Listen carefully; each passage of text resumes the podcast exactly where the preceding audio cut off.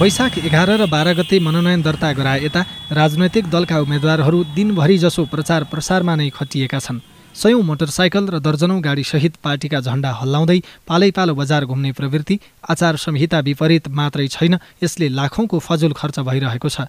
जुन विषय नागरिकले बुझे पनि राजनैतिक दलले बिर्सिएका छन्। यसरी प्रचार गर्दाखेरि के हुन्छ भने चाहिँ एकदमै चाहिँ हो हल्ला गर्ने एकदमै उत्ताउलो खालको प्रचार गर्दाखेरि त्यसले नकारात्मक सन्देश दिने हुन्छ।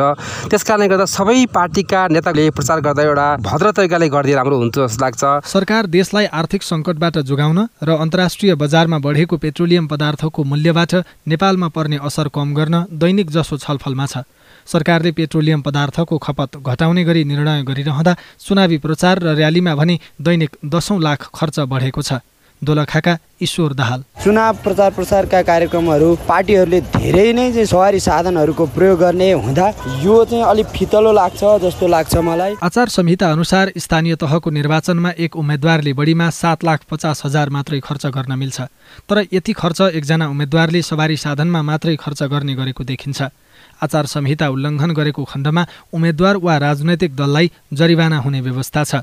आयोगले बारम्बार उम्मेद्वारलाई आचार संहिता उल्लङ्घन नगर्न सचेत भने गराएको छ।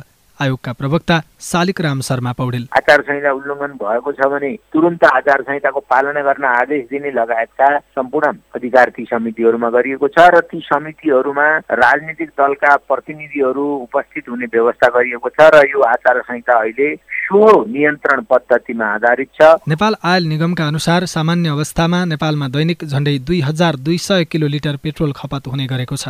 यसो हुँदा लगभग दैनिक चालिस करोड रकम पेट्रोलका लागि बाहिरिने गरेको छ। तर चुनावको समयमा यो दर थप बढ्ने गरेको छ।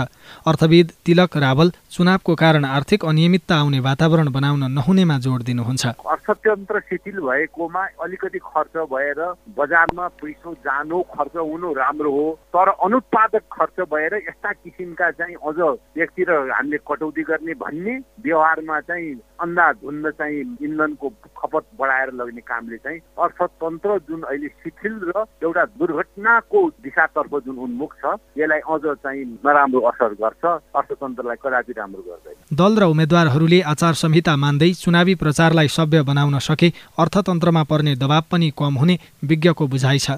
अविनाश आचार्य सिआइएन काठमाडौँ।